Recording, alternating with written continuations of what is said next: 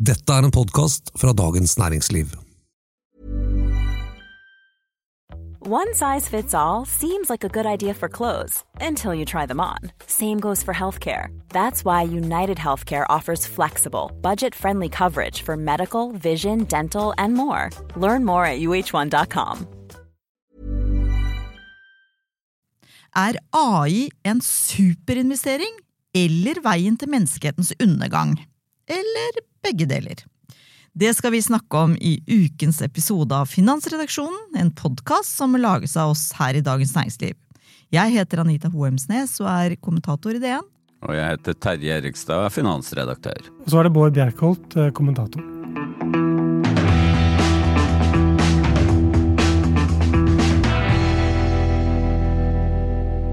For Tor Christian er fortsatt småbruker i nord. Han skriver børskommentarer. Dersom dere leser DNNO, så vet dere jo det. Men nettet er rett og slett ikke godt nok på småbruket til at han kan være med i podkasten. Da er vi glad vi har med Bård.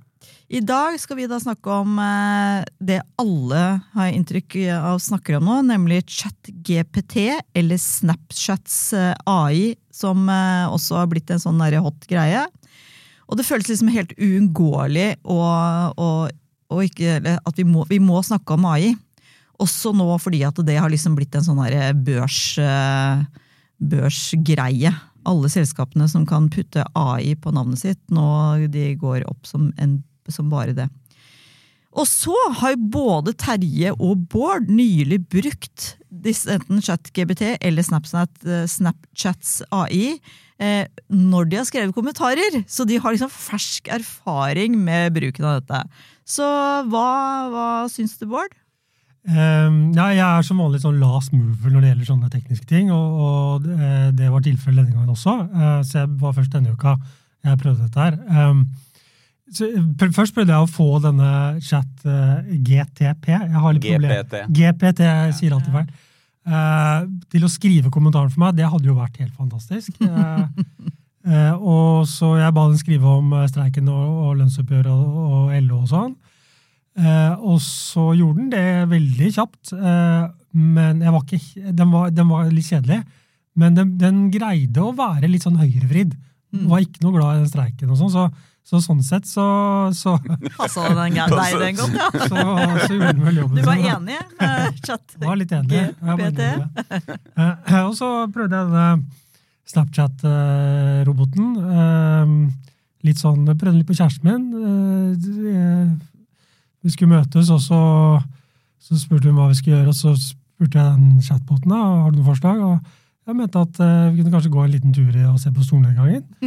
og, så, og så var det liksom, ble spørsmålet om med, skulle hun være med. Altså, uh, eller skulle jeg være med, fikk jeg spørsmål uh, fra kjæresten min. Og da, da, da, spurte jeg roboten igjen, og da svarte den at ja, det kan du jo foreslå. Eller hvis du vil ha litt tid for deg selv, så kan du jo foreslå at hun går en tur alene. det er utrolig bra at vi har sånn eh, kunstig intelligens som kan hjelpe oss med så grunnleggende, jeg, vanskelige er, spørsmål. Ja, det blir Du er positiv. positiv til det. Hva, hva er din erfaring, Terje? Ja, det er eh, egentlig Du skrev jo om AI, og brukte AI, eller uh, chat-GPT. Ja, mm. Absolutt. Eh, det, det, det, man fort oppdager, er jo at den eh, kommer med veldig utfyllende, raske svar. Og du det, det, eh, Konklusjonen min er litt at jeg er ikke smart nok til å eh, utnytte kapasiteten til den kunstige intelligensen. Altså Jeg stiller egentlig bare så enkle spørsmål som jeg eh, allerede har kunnet finne svar på bare ved vanlig Google-søk. Mm. Og det, det, er jo det jeg ser når, eh, når, jeg ser andre skrive om dette, og det er diskusjoner, er at for å få ut kapasiteten til disse programmene nå, så må du være veldig grundig i måten du gir kommandoer til dette programmet på. For det er først da du får ut effekten, virkelig. Eh, bare stille sånne enkle faktaspørsmål, det, det tilfører jo ikke noe nytt eh, fra hva vi hadde fra før. Og i tillegg så er, eh, men, men, det som er liksom skremmende, i tillegg til det at, at den bare gir enkle faktasvar, er at den gir enkle svar som er helt feil. At den bare rett og slett koker opp helt falske ting. Ja, Det var jo det eksempelet med at eh, du hadde skrevet en biografi om Stein Erik Hagen, Ja, næringslivsmann f.eks. Det har du jo ikke gjort. Nei. Jeg har riktignok skrevet en biografi som en tidligere kollega Geir Imstedt om eh, Jens P. Heierdal, Orkla-sjefen. Som om det var det som fikk dette programmet til å tro at jeg hadde skrevet en biografi om Stein Erik Hagen. Det vet jeg ikke, men så påpekte jeg overfor programmet at ja, men det har jeg ikke gjort. Nei, det beklaget da. Men, men, men det var skrevet en biografi eh, av en eh, forfatter som da ikke eksisterer, med det, eh, den fantastiske tittelen Stein Erik Hagen, kolon, 'Mannen som reddet Norge'. Så spurte jeg hvor har du det fra? Jo, nei, det, den er publisert og omtalt i Aftenposten og VG.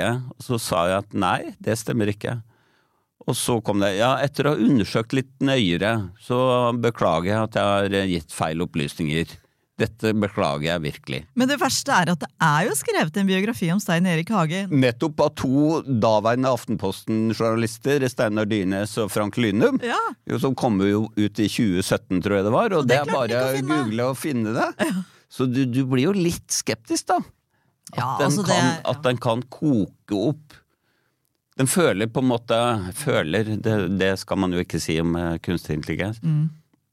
Men den reagerer som om den er nødt til å svare Mm. et eller annet, og da bare For dette eh, det, det illustrerer egentlig en veldig viktig ting med de, den type kunstig intelligens eller AI som vi snakker om nå, nemlig at det er en slags sånn sannsynlighetsberegning den driver med, fordi den har blitt matet inn med all informasjon som er tilgjengelig, eh, mer eller mindre i verden, og dermed ser den mønstre, eh, sånn at eh, det, det er en sånn type mønster i eh, gjenkjenningen, disse store språkmodellene. Da.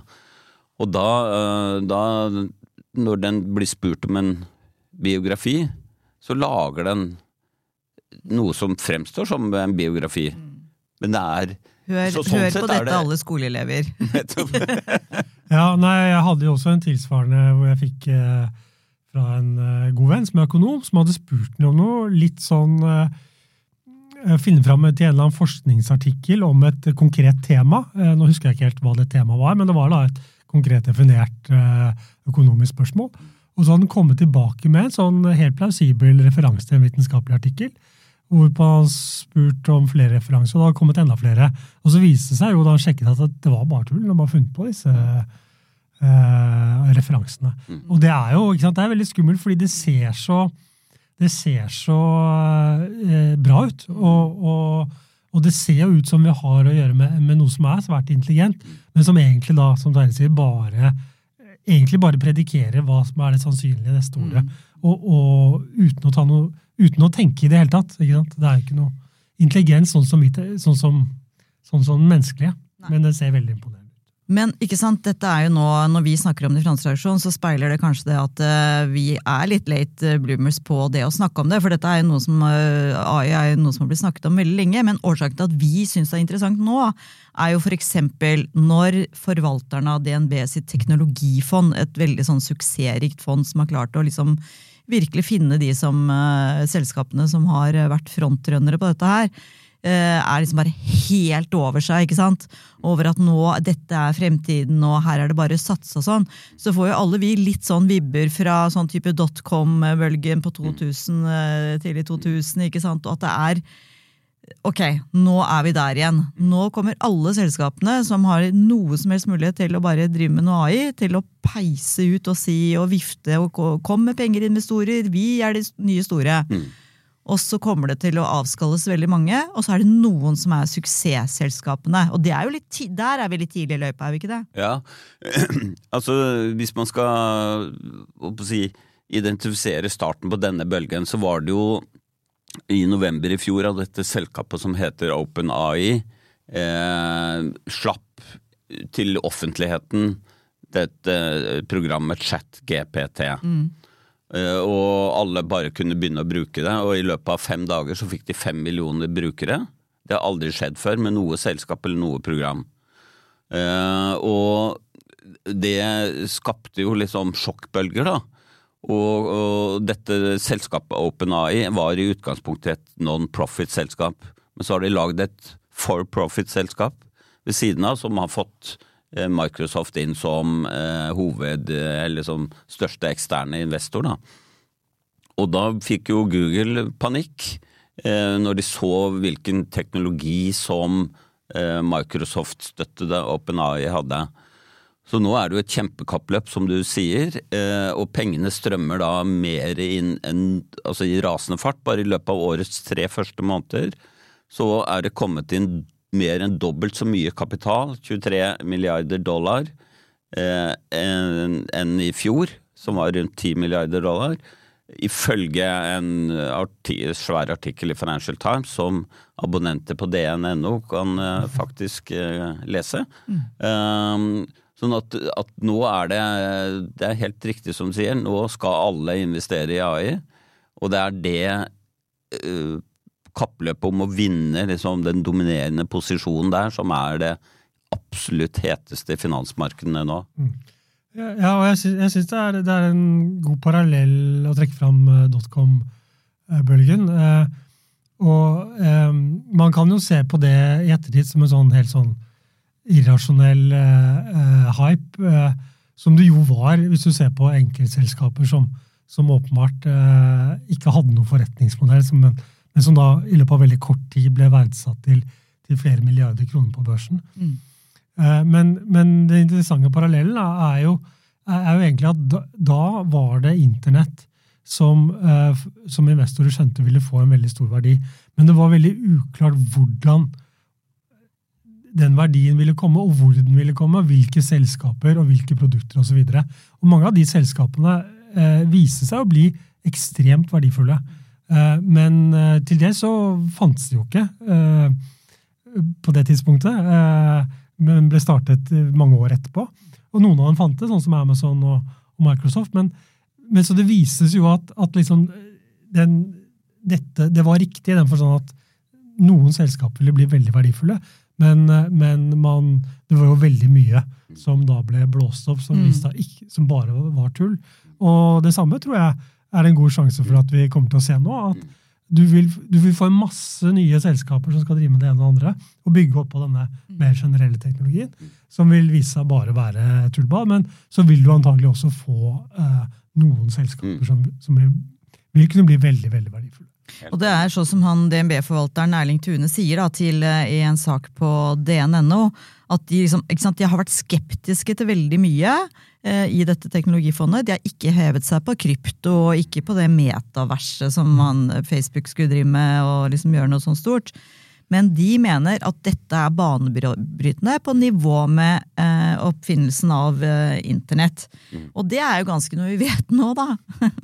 Hadde han sagt eh, Altså, husker i, da, rundt, I og med at vi er voksne, da, så husker jeg jo godt den der rundt dotcom-runden. Mm. Og, og, du liksom intervjua da folk som hadde starta et selskap, og du kunne bare liksom ikke skjønne hva de prata om. ikke sant? Og, og, de prøvde på alle mulige måter, og nå selvfølgelig i hindsight så ser du hva de prata om. Mm. Internet of Things, for eksempel, som var sånn kjempesvært, da, mm. og som alle skulle drive med. Så var det liksom Hæ, skal kjøleskapet mitt snakke snakke med Og jeg er litt usikker på om den teknologien for så vidt har kommet helt i mål.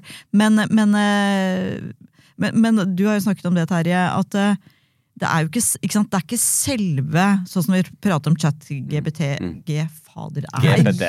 helt håpløst. Ja, jeg veit det, men ok. Men, men, det er jo ikke selve teknologien, det er hva du kan legge oppå dem. Eksempel innen helse, syns jeg var et kjempegodt eh, eksempel.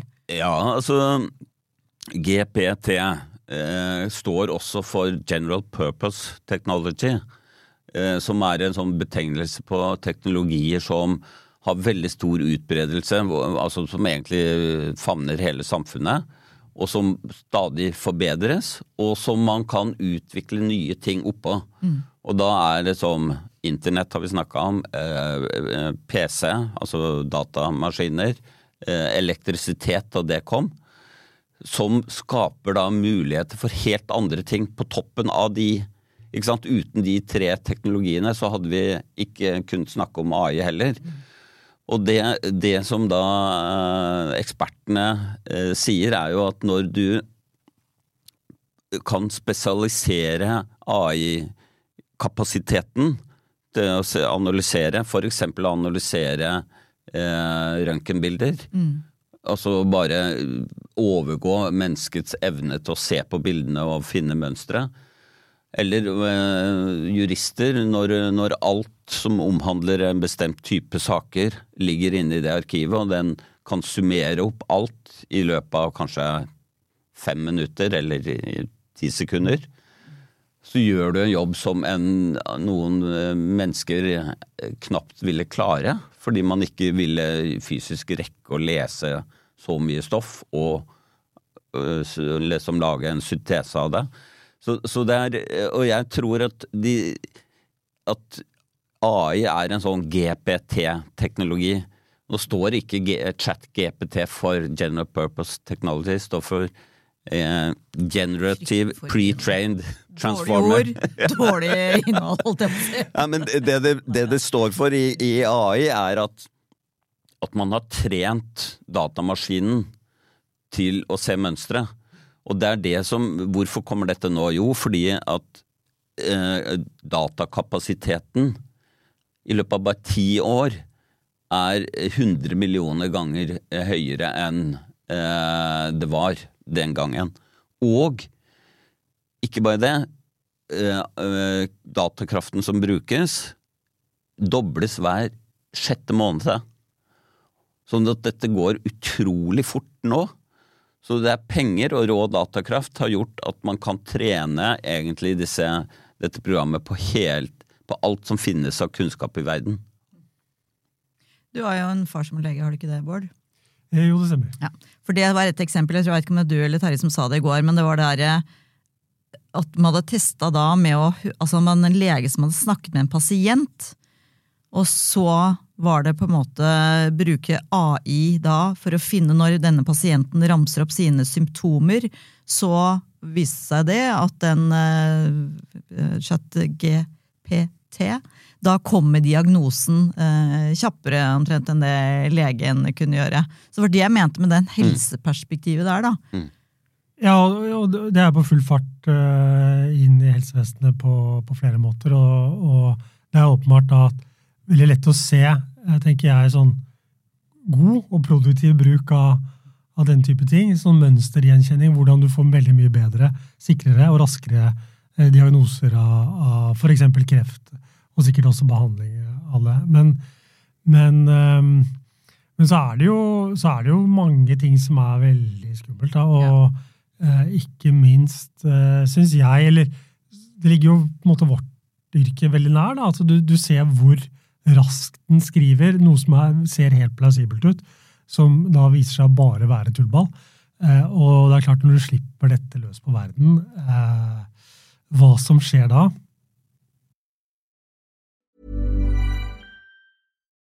One size fits all seems like a good idea for clothes until you try them on. Same goes for healthcare. That's why United Healthcare offers flexible, budget friendly coverage for medical, vision, dental, and more. Learn more at uh1.com. Hiring for your small business? If you're not looking for professionals on LinkedIn, you're looking in the wrong place. That's like looking for your car keys in a fish tank. LinkedIn helps you hire professionals you can't find anywhere else, even those who aren't actively searching for a new job but might be open to the perfect role. In a given month, over 70% of LinkedIn users don't even visit other leading job sites. So start looking in the right place. With LinkedIn, you can hire professionals like a professional. Post your free job on linkedin.com/people slash people today. Here's a cool fact a crocodile can't stick out its tongue. Another cool fact you can get short term health insurance for a month or just under a year in some states. United Healthcare short term insurance plans are designed for people who are between jobs, coming off their parents' plan, or turning a side hustle into a full time gig. Underwritten by Golden Rule Insurance Company, they offer flexible, budget friendly coverage with access to a nationwide network of doctors and hospitals. Get more cool facts about United Healthcare short term plans at uh1.com. Ja, fordi at nå har vi snakket om det morsomme og fantastiske og liksom eh, masse penger inn og dette er det nye store og alt sånt noe, men det kommer jo, som du sier, med en ganske mørk bakside, mye av den AI-teknologien. For eksempel, Italia har jo forbudt chat-GPT. Mm. Ikke sant, Bård? Eh, jo, og det, det, er vel da eh, Dette har også Terje skrevet om, at, um, at, det er nå eh, Altså, folk har jo alltid vært bekymret for ny teknologi. Eh, ikke sant? Og vi, vi husker hvor, hvor, mye angst det var i Norge da farge-TV kom, osv. eh, og skateboard var jo forbudt. Eh, så vi har, Det er en sånn lang rekke med, med sånn helt, skateboard regnes som teknologi, men ok. Nei, det, er, sånn, det, er, en helt lang rekke med sånn idiotiske reaksjoner ja. på nye ting. Mm. Uh, men, men uh, her så, så, er det veldig grunn til å være litt, uh, litt engstelig. Det er en, en, sånn filosof som ga ut en, en, bok, det var vel under pandemien, om forskjellige måter menneskeheten kan utrydde seg selv på. Um, eller bli utryddet på og eh, hvor han på veldig veldig usikker grunnlag, det tror jeg vi må si, eh, anslo dette til å være sånn, sjansen til å være én av seks eh, for at eh, dette ville skje i løpet av det nærmeste århundret. Eh, og da var jo eh, Det er jo flere farer, selvfølgelig. Klimaendringer er én ting, atomkrig en annen. Men, men det som vel hadde høyest sannsynlighet, var var nettopp sånn kunstig intelligens. Og da kommer jeg over til din kommentar, som faktisk ennå ikke er publisert på DNNO. Men uh, den eh, kommer uh, om ikke lenge. Men da har du altså tittelen 'Jeg finner den'. Du kanskje husker det sjøl. Nå skal jeg liksom lage en sånn fin intro til den, og så finner jeg ikke det i mine notater. Men det spiller ingen rolle, for du har skrevet den, så du vet veldig godt hva slags tittel du har. Ja, eh, tittelen er 'Kan Google eller Microsoft få oss alle drept'? eh, fikk eh, intern eh, kritikk for at den var litt eh, lokketittel og clickbait og så videre. Men det verste er at det faktisk er eh, en, en seriøs frykt bak den tittelen. Og det er ikke jeg som har eh, formulert den frykten, det er anerkjente forskere på kunstig intelligens som eh, mener at det er en reell risiko for at vi skaper en intelligens som overgår den menneskelige, og som dermed overtar kontrollen over verden. Altså bokstavelig talt. Forklar. Ja. Eh, ikke sant? Det vi har snakket om nå, er såkalt AI eh, kunstig intelligens. Men så er det denne neste generasjonen som er eh, kunstig intelligens som forstår at den er intelligent, og som klarer å forbedre sin egen intelligens hele tiden. Og da mister mennesker kontrollen over maskinene. Og dette er jo litt sånn science fiction sånn i utgangspunktet, var det det fins liksom eh, Robotene kommer og overtar verden. Mm. Men det disse forskerne mener, er at vi, vi kan ikke helt vite når er et sånt system som eh, man, man, egentlig ikke programmerer fullt ut. Man bare mater det inn med enormt med informasjon, og så skaper det en slags hjerne som genererer eh, ny informasjon og det er teoretisk sett umulig eh, å vite akkurat når du passerer den grensa. Er det liksom sånn tipping point som man prater innenfor for klimakrisen? Ja, ja, ja, og, og, og, poenget er at hvis man først har passert det poenget, det, det punktet, mm. så er det for seint. Mm. Og når ingen vet hvor det punktet er, men vi, vi bare gønner på med stadig høyere mer datakraft og gir, gjør de programmene bare bedre og bedre og bedre. Og det, Derfor så sier jo til og med til og med sjefen for OpenEye, Sam Altman, han sier at eh, noen teknologier er på en, måte, på en, måte, bare positive. Eller i hvert fall veldig enkelt å si at dette ba, har bare positive virkninger. F.eks. vaksiner, selv om det er noen bieffekter osv. Men de fleste tingene der man utvikler, så det, det, det gjør ting bedre. Men så sier han at for AI så kan ting være very good og very terrible. Mm. Og, ikke sant? Dette er ekspertene, og det er jo derfor Nå er det jo mange tusen som har sluttet seg til dette kravet om at nå må vi stoppe. Ta et sånt moratorium på seks måneder og prøve å Hva finne ut Hva betyr moratorium? ja, altså helt eh, at du- Pause. Pause, ja. Eh, på seks måneder, og så må vi prøve å finne ut hvordan kan vi trygt utvikle kunstig intelligens. Og Politikerne er jo ikke i nærheten av å forstå hva som foregår. Og det er jo ikke så rart, for dette foregår inni private selskaper som vi vet lite om hva egentlig driver med. Ja, og, og, og det, det er vel liksom også det som gjør det, det gjør det litt vanskelig å se for seg hvordan man skal eh, altså Greit nok å, å si at nå skal vi stoppe, men, men hvordan i all verden skal man uh, få til det i praksis? Mm. For, ja, nettopp ned med det der eh, børsjaget som er nå, ikke sant? at man vil, investorene vil kaste penger etter AI. Mm.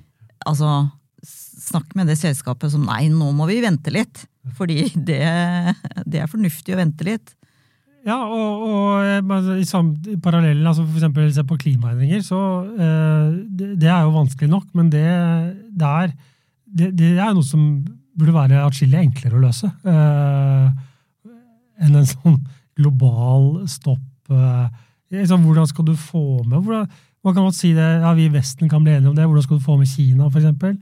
Eh, vil ikke den eh, geopolitiske rivaliseringen gjøre at eh, enten Kina eller USA vil, eh, vil se seg tjent med å fortsette for å få, få et overtak? Mm. Eh, nå kan det jo hende at den konflikten eh, setter en stopper av seg selv, fordi eh, disse avanserte eh, chipene som er nødvendige for å forbedre den datakraften som Terje snakker om, de produseres jo nesten utelukkende på Taiwan. Eh, og en sånn militær konflikt der kan jo faktisk også ramme den, den produksjonen. Og da, da vil vi få i hvert fall en midlertidig pa- pause, antagelig. Ja, og Eh, det, ja. Ja. Nei, jeg bare tenker at eh, det som gjør meg da, å si, nervøs, selv om jeg, jeg i bunn og grunn syns dette, dette er, er har fantastiske muligheter, er jo den følelsen av at det er ingen som egentlig vet hvor dette ender. Eh, og- og så, eh, den ene forskeren som liksom skrev i Time Magazine at vi kan Eh, hvis man lager noe gudelignende AI, så, så regna han med at alt biologisk liv ville bli utsletta på jorden i løpet av kort tid etter det. Det er liksom sånn wow, er det Hva var, eh, hvorfor det? Nei, fordi at for de, den kunstige intelligensen så er ja, det har ikke, De har ikke behov for mennesker eller eh, annet liv. De eh, lager sitt eget liv. De kan produsere sin egen DNA. De eh, bare overtar kontrollen, rett og slett. Og, da står vi i veien, på en måte. Så det er bare Det er liksom logikken, da. At, eh, at faktisk så skap... Ikke sant? Vi, hvordan eh, Hvorfor er det liksom ikke Når vi har hatt atomvåpen siden andre verdenskrig, hvorfor har det ikke blitt kjernefysisk krig?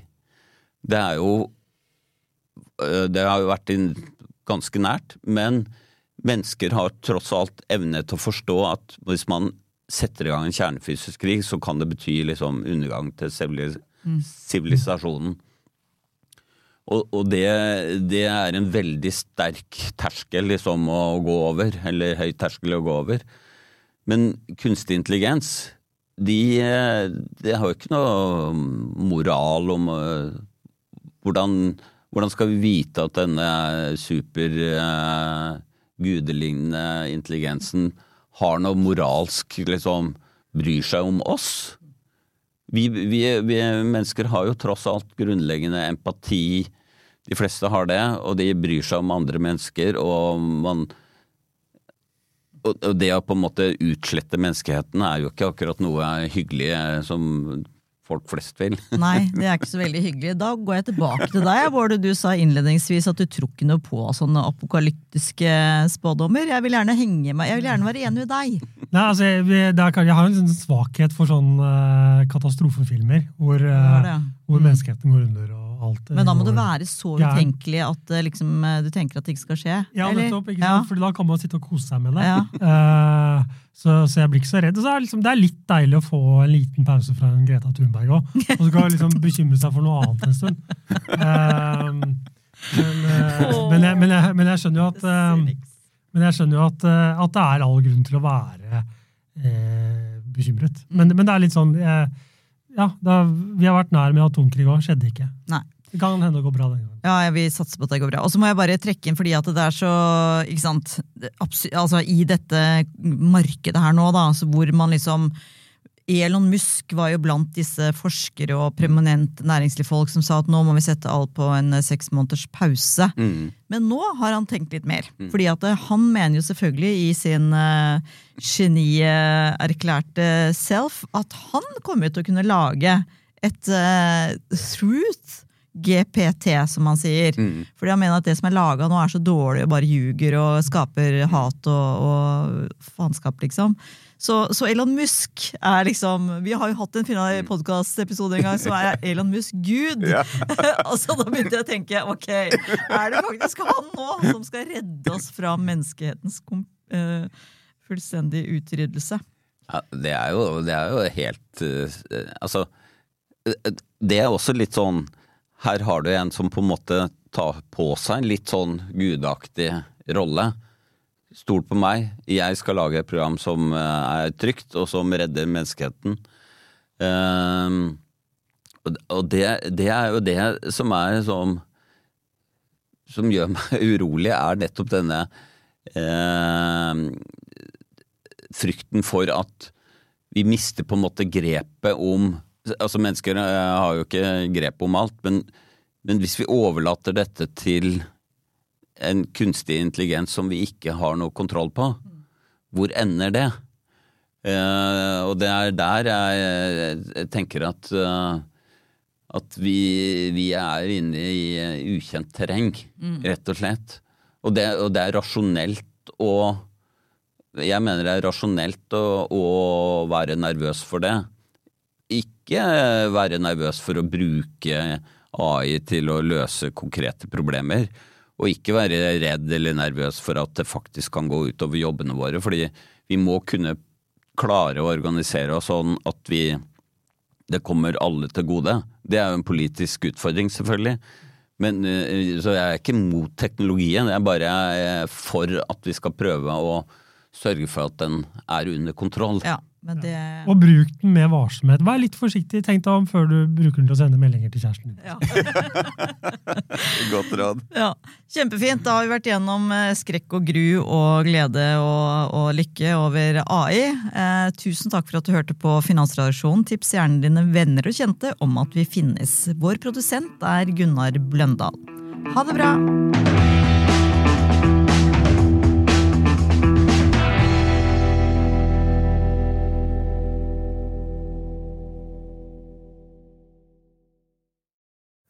Du har nå hørt en podkast fra Dagens Næringsliv.